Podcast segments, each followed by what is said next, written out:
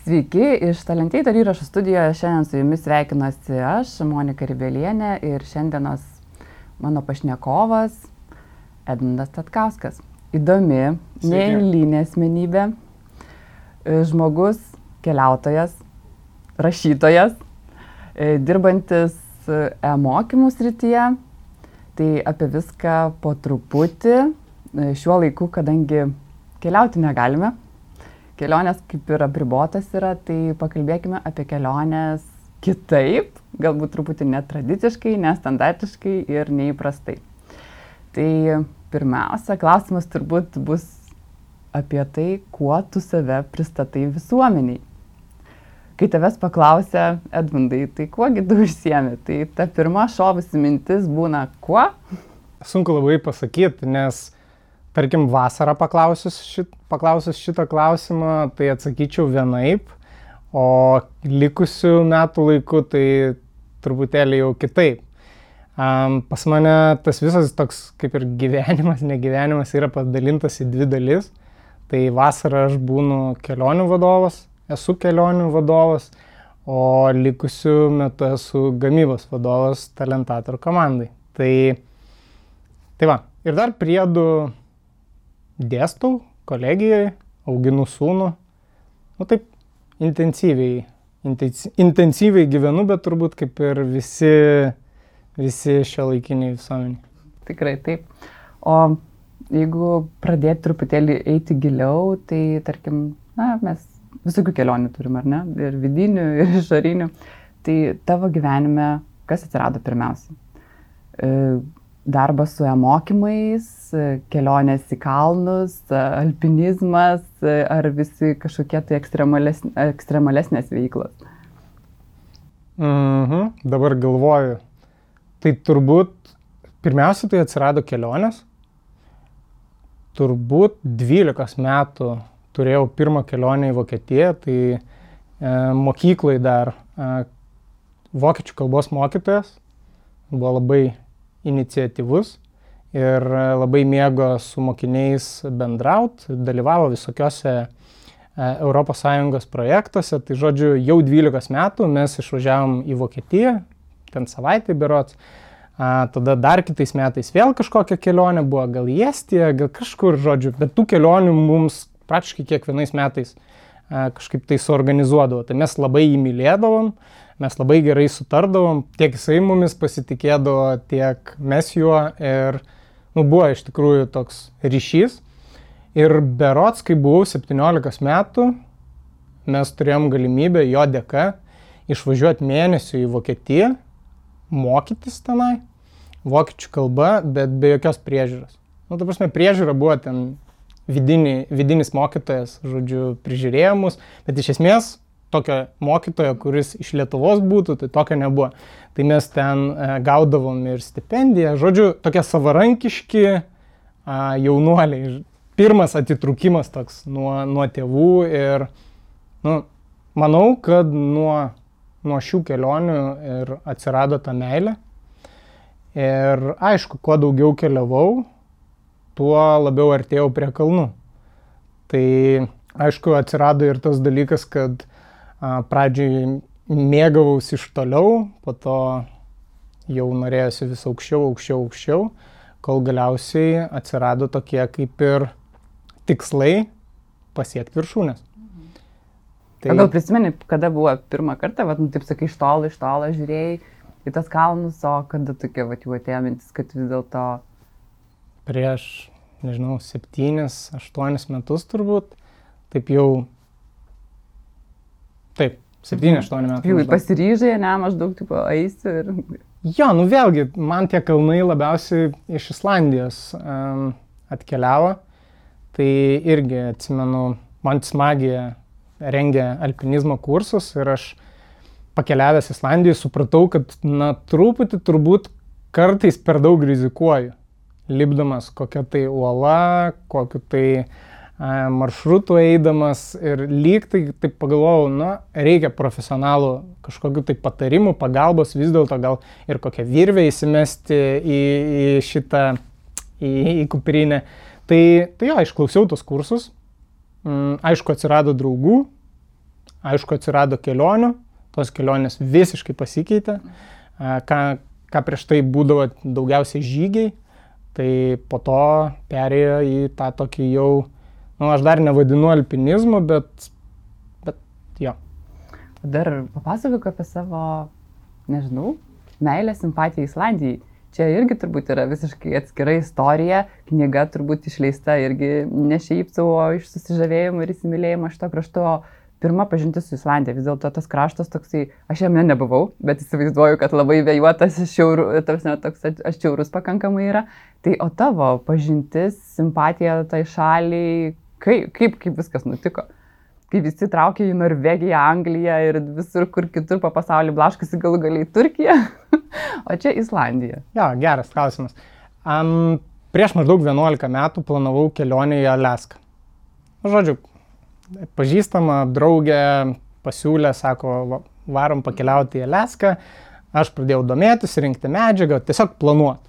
Ir uh, YouTube kanale ne, aš uh, aš pradėjau ieškoti, žiūrėjau apie Aleską video ir šone, kur yra ta juosta tokia rekomenduojamų video, uh, žodžiu, rekomenduojami video, ne, tai irgi tenai pamačiau, atsimenu kaip dabar, vat, labai gerai atsimenu, ežeras su lietkalniais. Ir ant to, ant to paveiksliuko, tai aš aišku paspaudžiau, pasižiūrėjau, pamačiau, wow, labai gražu. Ir tada pradėjau žiūrėti, o, Islandija ok, pradėjau lyginti, žiūrėti, nu, tiesiog va taip palaipsniui, palaipsniui ir pamačiau, kad um, Islandija yra netgi daugiau visko nei Aleskoje. Aleska jinai nuostabi, aš vis dar nesu ten buvęs ir vis dar labai noriu ten atsidurti, bet dėl to, kad pamačiau tą video ir pakrypau Islandijos pusėn, tai nesigailiu nikiek. Islandija yra pusantro karto maždaug didesnė už Lietuvą tik tai bet ten yra visko. Nu, kaip aš sakau, jinai yra prisirinkus mažų dalelių iš viso pasaulio ir mažesnių mastų jinai duoda galimybę pažiūrėti. Tai yra ir tokių kanjonų, aišku, ne Grand Canyonas iš ne, Amerikos, bet, bet maža dalelė, labai panaši, yra ir tokio vaizdo.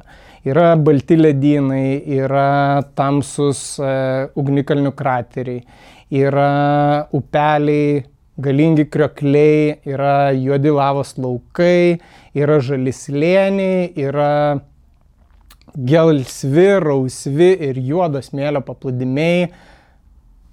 Tas pats e, Lietkalnio ežeras, ežeras, apie kurį aš irgi vat, jau minėjau, tai nu, ten važiuoji, keliauji ir kas 50, kas 100 km tu tiesiog matai vis kitokius vaizdus.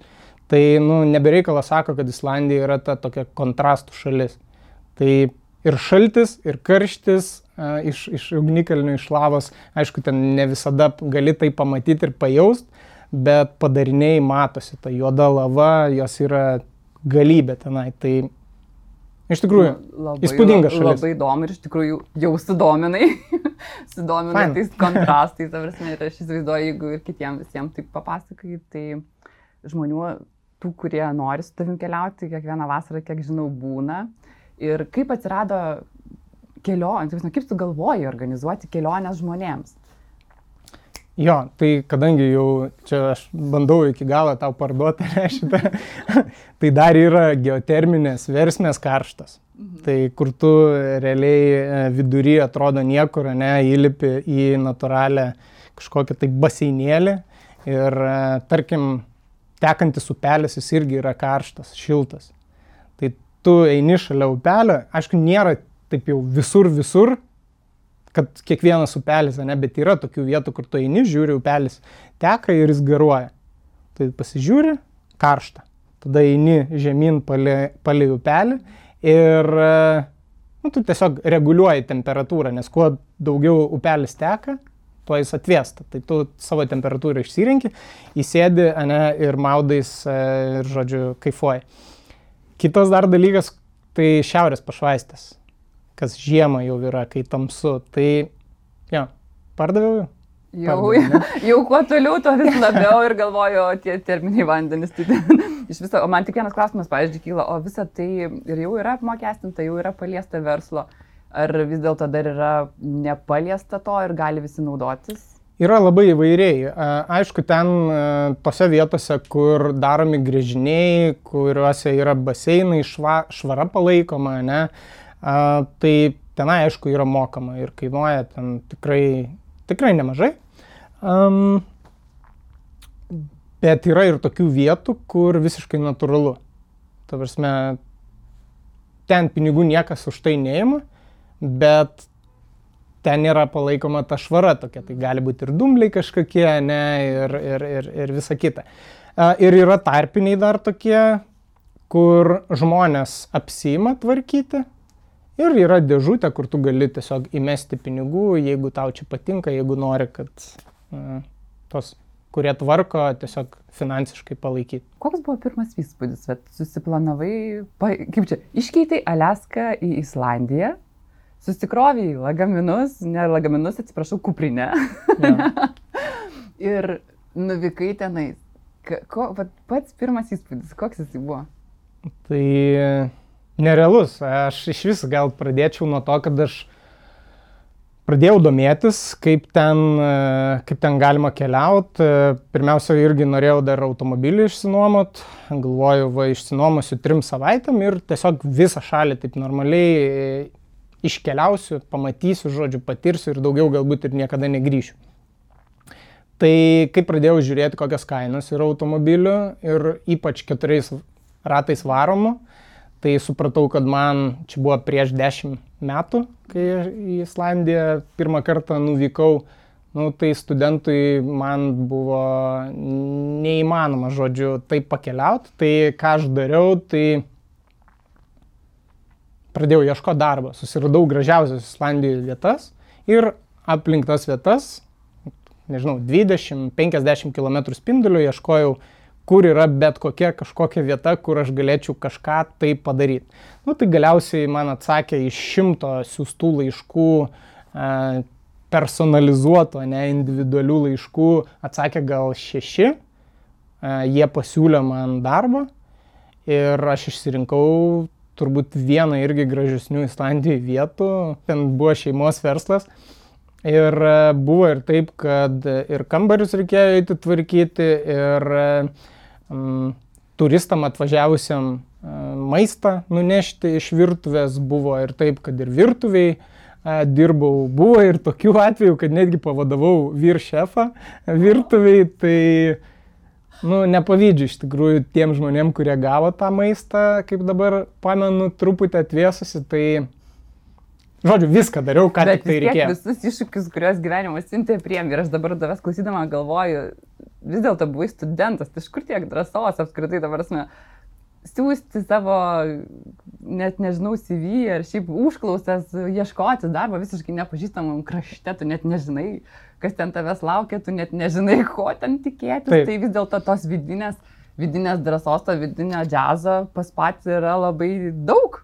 Tai manau, manau, kad tą man išūkdė vokiečių kalbos mokytojas kuris ir suteikia tą mėnesio pagyvenimą Vokietijoje visiškai kitame, kitoje valstybėje ir be priežiūros, tai, nu, iš tikrųjų, mes išmokom, mes ten labai užaugom kaip asmenybės. Dabar karantinas, keliauti negalima, tarkim, nu, galima, bet labai suvaržytai. O paties paskutinė kelionė kada buvo? Tarp pirmo ir antro karantiną. tai kai tik buvo proga, iš karto pasinaudojom.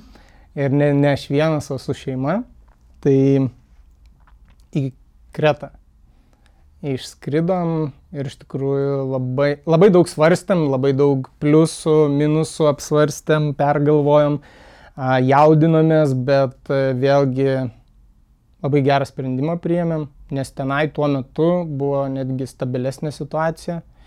Ir kadangi mes po tokias vietas keliavom, tai tų žmonių praktiškai ir nesutikdavom beveik. Nu, ten vieną kitą, bet e, vėlgi su kaukiam, atsargiai, su dezinfekciniais skyščiais, tai viskas kaip ir ok. Supratau, kai kelionės širdį, tai jų turbūt atsisakyti neišeina, net ir kai karantinas bando uždaryti visas duris ir visus kelius, ar ne? Sunku. O kaip, kaip, kaip atsirado ekstremalus sportas? Nes žinau, kad e, be visų kelionių į Islandiją organizavimo, ar ne, dar, dar, dar domiesi ir ekstremalių laipėjimų.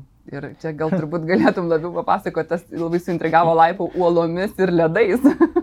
jo, tai čia tu taip irgi pasakėjai ekstremaliu laipėjimu. Ne, tai tiesiog laipėjimas. Ne, man jau atrodo, kad jeigu uola ir ledas, tai jau, jau čia ekstremalu.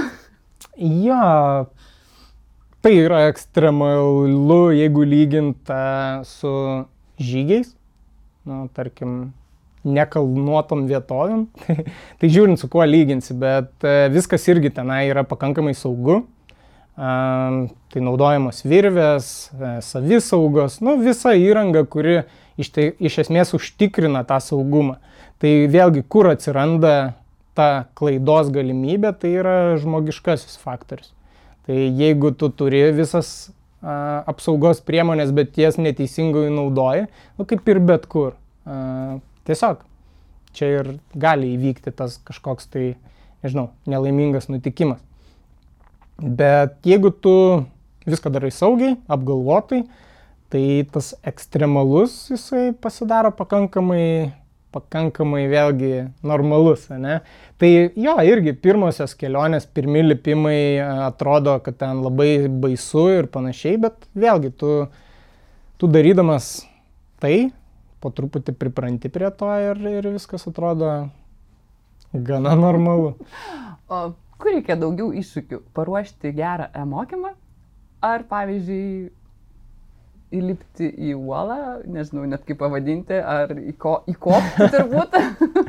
jo, čia, čia įdomus suktas klausimas, bet iš tikrųjų yra tų panašumų, tarkim, kalnuose ir, ir darbinėse situacijose. Tai tarkim, ką aš iš kalnų, iš, iš žygių esu paėmęs, tarkim, tos asmeninės kokios savybės, aš manau, kad esu paėmęs, tai būtų tas užsispyrimas, savikontrolė ir atsakomybės tas jausmas toks. Tai, tai manau, kad šitie dalykai yra labai svarbus kalnuose ir Ir lygiai taip pat tai yra svarbu darbinėse situacijose. Tai, nu turbūt mano, čia vėl priklauso, ko, koks tas kalnas, ne? Jeigu, jeigu tai yra techniškai sudėtingas ir, ir varginantis ilgas lipimas, tai turbūt, nu, vis tiek tai bus to, tas pasirinkimas. Bet vėlgi tų projektų visokių būna, tai, nu, sunku pasakyti, bet noriu pabrėžti tą dalyką, kad tai yra iš dalies kažkiek ir panašu. Kad e, vėlgi kelionėse ilgose, ne, tau reikia, reikia susitaikyti su skirtingais žmonėmis, kurie yra šalia tavęs. Nu, tarkim, jeigu yra žygis dviejų savaičių, tu jau po savaitės pradedi jausti tam, tik, tam tikrus trikdžius tarp skirtingų žmonių. Vieni nori vienaip, kiti kitaip, vieno tempas didesnis, kito mažesnis, vienas valgo tą, kitas aną. Žodžiu, nusileisti, kartais pakentėti, o kartais tiesiog pasikalbėti, nes komunikacija ne, yra labai svarbu. Tai lygiai tas pats ir dar, darbe. Tai lygiai tas pats. Vėlgi, vien, vieniems kažko trūksta, kit, kitas išeina iš, iš darbo, kitas ateina, a, kažkur kažkas kaž, kažkur nevyksta ir, ir panašiai. Tai tas sulyginčiau, kad tai yra panašus dalykai. Na, apie tas tokias jau fizinės keliones, kaip ir aišku, ar ne visiems, nu, ta prasme, kaip visa tai vyksta irgi aišku. O pakalbam apie elektroninių mokymų kelionę. Tai irgi yra šiandien dienai įdomi, bet daugeliu žmonių dar neatrasta tokia sritis, neatrasta tokia niša galbūt ir kiek, kaip čia įmonėms turbūt neatrasta, neatrasta kelionių kryptis e-mokymų, e-mokymų pusę. Tai paties pažintis su e-mokymais kada prasidėjo? Kokia jinai buvo? Kaip, kaip apskritai sužinojai, susipažinai ir va tas va, pir, pir, irgi pirmasis momentas?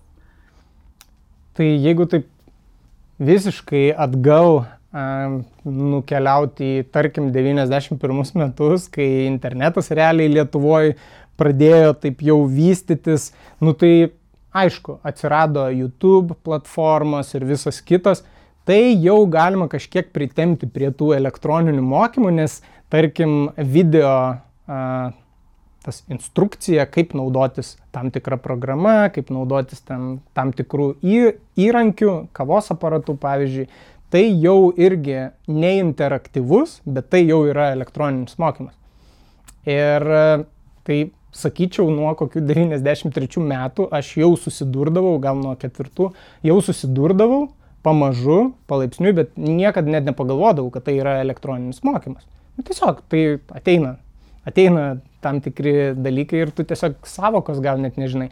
Tai aš sakyčiau, taip tikrai pradėjau suprasti, kas yra elektroniniai mokymai ir kad jie gali būti interaktyvūs maždaug prieš 3-4 metus, gal labiau prieš 4, kai pradėjau dirbti su tais elektroniniais mokymais. Tai manau, kad Lietuvoje kol kas irgi yra ta problema, kad daug kas naudoja, bet ne visai supranta, ką naudoja ir ne visai gal žino, o kasgi vis dėlto yra tas elektroninis mokymas, nes aš ir su draugais pasikalbu, ir su tėvais, ir tu tiesiog sak, ką tu darai, kur, kuriam elektroninius mokymus. Ok, kaip ir savoka aiški, bet kas tai yra? Ir va, nu, yra tas toks, kad truputėlį dar reikia šviest visuomenę, Įmonės, aišku, tos didesnės, kurios jau susiduria su e-mokymais, jau žino naudą, um, bet, bet yra dar kur, kur padirbėti. Man, žinai, dabar ateina tokia klausant tavęs mintis, reikia elektroninių mokymų gido. Ta prasme, tai jeigu tai yra kelionė, tai kelionė turi turėti gidą ir kiekviena kelionė su gidu yra daug įdomesnė, daug fainesnė ir ta prasme, tai yra žmogus, kuris gali šiek tiek naviguoti, gali padėti labiau suprasti, susipažinti ar nesupraštų. Tai va, aš įsivaizduoju, reikia turbūt tokių žmonių, kurie taptų elektroninių mokymų gidais. Taip, tai kas yra smagu, tai mūsų įmonėje tokių žmonių yra. Tai vėlgi, jeigu kažkam pritrūksta tos informacijos, aš, aš kalbu labiau jau apie verslo, apie verslą, tai jeigu kažkurios įmonės galbūt nežino, kaip galėtų išnaudoti arba kokios naudos, nu, tai mes galim tą tikrai padėti padaryti. Jeigu kalbėtumėm apie tų dviejų kelionių, ke, tarkim, kelionės į Islandiją organizavimą ir elektroninių mokymų organizavimą, potencialius klientus, potencialius žygeivius, Aš jau matau, kur tu suki. Tai kam rekomenduotum, pavyzdžiui, kelionės į kalnus ir kam rekomenduotum kelionę elektroniniu mokymų keliu? Tai į kalnus iš tikrųjų rekomenduočiau visiems, kurie nori. Aišku, jeigu tai yra toks priverstinis keliavimas vien dėl to, kad, kad pakeliaut, tai, tai aišku, kad nerekomenduoju, nors ir tai būtų, manau, naudos, bet aišku, jeigu nori, tai tikrai pa, paliks įspūdį, tikrai padės. Mm, tai va, toks atsakymas būtų dėl kalnų. O elektroniniai mokymai, jeigu taip juokais pusiau, ne, taip ne visai rimtai, tai visiems, kuriems atsibodo tradicinio mokymo metodai, bet jeigu taip rimčiau kalbėt, tai turbūt pagrindė įmonėms, nu, aš vėl iš, iš tos verslo pusės galbūt pasakysiu, aišku, čia ir mokyklams būtų galima pritaikyti, bet aš iš verslo pusės labiau, a, tai įmonėms, kuriuose dirba na, nuo 200 turbūt darbuotojų, kuriuose yra didelė darbuotojų kaita, kuriuose keičiasi informacija dažnai ir jeigu tos įmonės filialai yra skirtingose miestuose, arba net skirtingose valstybėse, tai apmokinti tradiciniu būdu tuos darbuotojus yra labai sudėtinga. Elektroniniu mokymu, žodžiu, padarai vieną mokymą, paspaudi mygtuką uh, užkrauti, ne, ir realiai tą pačią informaciją tuo pačiu metu mato visi darbuotojai iš bet kurios vietos, gali mokytis bet kurio paros metu, žodžiu, laiko skirtumai tarp valstybių, nu, tai netenka jokio, nu, nėra jokio skirtumo. Tai Tai turbūt įmonėm, vat, tokiam įmonėm ir rekomenduočiau. O pat, dabar čia taip labai pasmalsausiu, gal turi sukūręs elektroninį mokymą, pavyzdžiui, apie kelionę į kalnus, apie pasiruošimą į kalnus, nes puikiai tinkantis dalykas, manau, ne tik tai didelėms įmonėms ar ne, bet ir mažesniems variantams irgi yra mikro mokymai kuriuo, į kuriuos gali sudėti pačius keščiausius, pačius įvairiausius dalykus. Antai, pavyzdžiui, kaip susikauti tinkamai kuprinę. Taip, galima padaryti. Tiesiog, nu čia kaip batsiuvis be batų. Tai čia lygiai tas pats, nu, aš žinau, kaip sukurti gerą mokymą, interaktyvų mokymą, bet kai reikia savo tai padaryti, nu, tai paprasčiausiais būdais vos ne. Esu bandęs iš tikrųjų kurti ir interaktyvų apie Islandiją, mm, kaip, kaip susikrauti kuprinę, kokios temperatūros laukia, nu tiesiog, kad nusiteikti, nes labai dažnai visi į atostogas keliauja, nu, nusiteikę, nusiteikę šiltam orui ir atostogauti, bet būna taip, kad 50 procentų dienų, tai iš 11-6 lyja. Tai nu, būna ir taip. Tai nu, labai svarbu irgi tą tokį supažindinti su šito dalyku. Tai esu bandęs daryti. Kodėl sakau bandęs? Nes vėl tiesiog kitiem darbam, kitiem darbam, žodžiu, tos valandas nukeliavo. Kalbant e, ne tik apie keliones ir ne tik apie mokymus, žinau, kad dar tavo širdį gyvena ir tokia edukatoriaus dvasia, ar ne? ir kad dar viena iš tavo tų daugelio jau išvardintų veiklų yra dėstytojo darbas kolegijai. Taip. Suteiki jiems daug žinių ir dar prie viso to leidi pažinti tikrąjį, kaip čia, elektroninių mokymų skonį, priemi jos, priemi praktikai, o po to gal galia ir patys gabiausiai turbūt lieka talentyto dirbti ir toliau. Tai kaip, kaip, kaip šitas rytis, kaip su jie susipažinai, kaip jinai atėjo į tavo gyvenimą ir buvo viską po truputį ir kaip tie visi mokymai vat, nu, sujungia tave ir jaunimą? Pirmiausia, aš užsidegiau tą tokią irgi meilę elektroniniam mokymam. E, supratau ir suprantu naudas ir labai tikiu, kad e, elektroniniai mokymai ateityje, šiaip visam pasauliu jau yra ant bangos, bet Lietuvoje jie irgi atsiras. Ir e, iš tikrųjų norisi irgi šviesti visuomenę apie jų naudas. Um, tai kaip pradėjau dirbti šito įmoniai, man uh, paskambino kolegijos um, vadovė ir uh, paklausė, ar aš galėčiau nu, pamokinti, mokyti studentus, kurie nebūtinai yra tik jaunimas, bet Bet aš sutikau ir, kaip jau tu ir pastebėjai, man visai patinka mokyti žmonės, ne, šviesti, dalintis patirtim, žiniom. Tai lygiai tas pats vyksta ir e, kelionėse į Islandiją. Aš pasakoju apie šalį, aš dalinuosi patirtim, dalinuosi apie tam tikrus žygių irgi niuansus. Lygiai tas pats yra ir dirbant įmoniai gamybos vadovu, vėlgi aš visą laiką dalinuosi ir, mm, ir skatinu ir kitus dalintis, kad žodžiu, kad tai ne, nebūtų tiesiog žinoma ir, ir tik tai vieno žmogaus. Ne?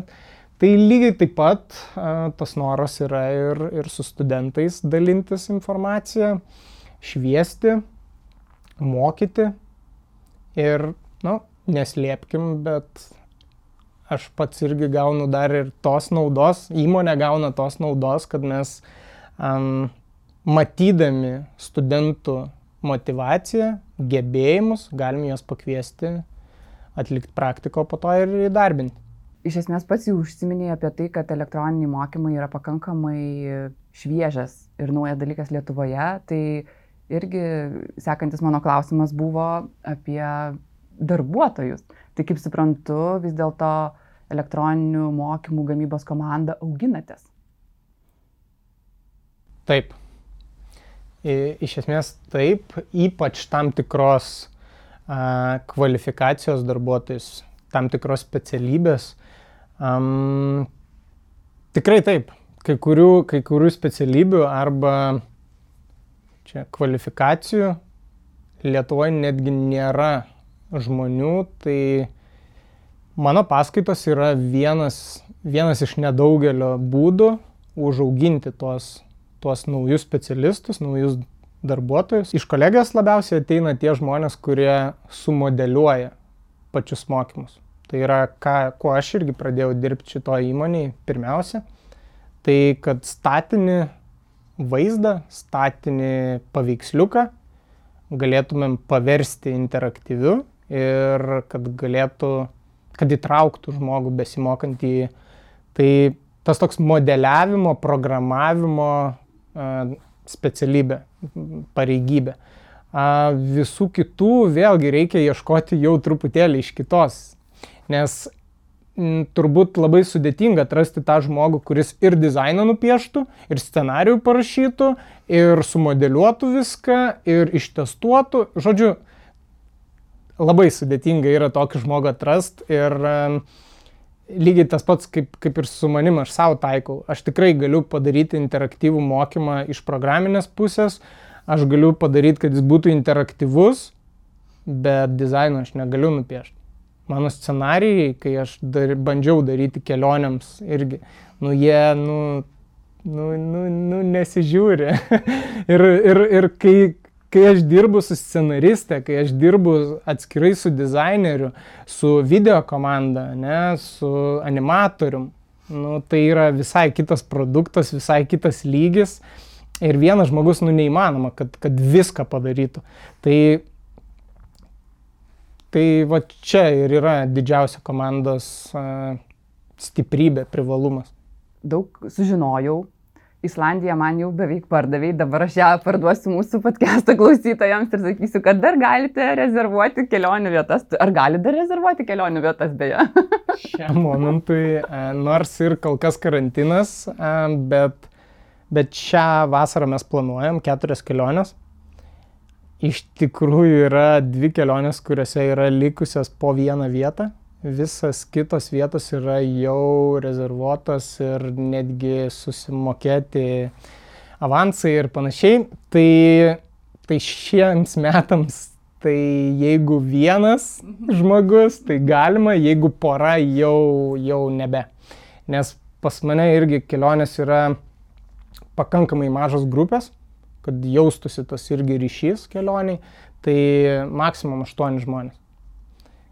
Todėl, todėl nu, nėra taip jau lengva, pavadinkim, nežinau, čia taip truputį gal pagirūniškai skamba patekta ne į tas mano keliones, bet, bet, bet vat, šiems metams jau, jau nebėra. Tai tada šiems metams pasiūlysim užsukti į tavo puslapį, pasidaryti, ką tu ten organizuoji, puslapio pavadinimas islandija.info. Ir labai rekomenduojam užsukti į talentator.com svetainę, pasidaryti apie tiesiog skaitmeninį ūkdymą, apie elektroninius mokymus, daugiau sužinoti, jeigu ir neužsisakinės kažkas, bet tiesiog susipažins ir panaršys.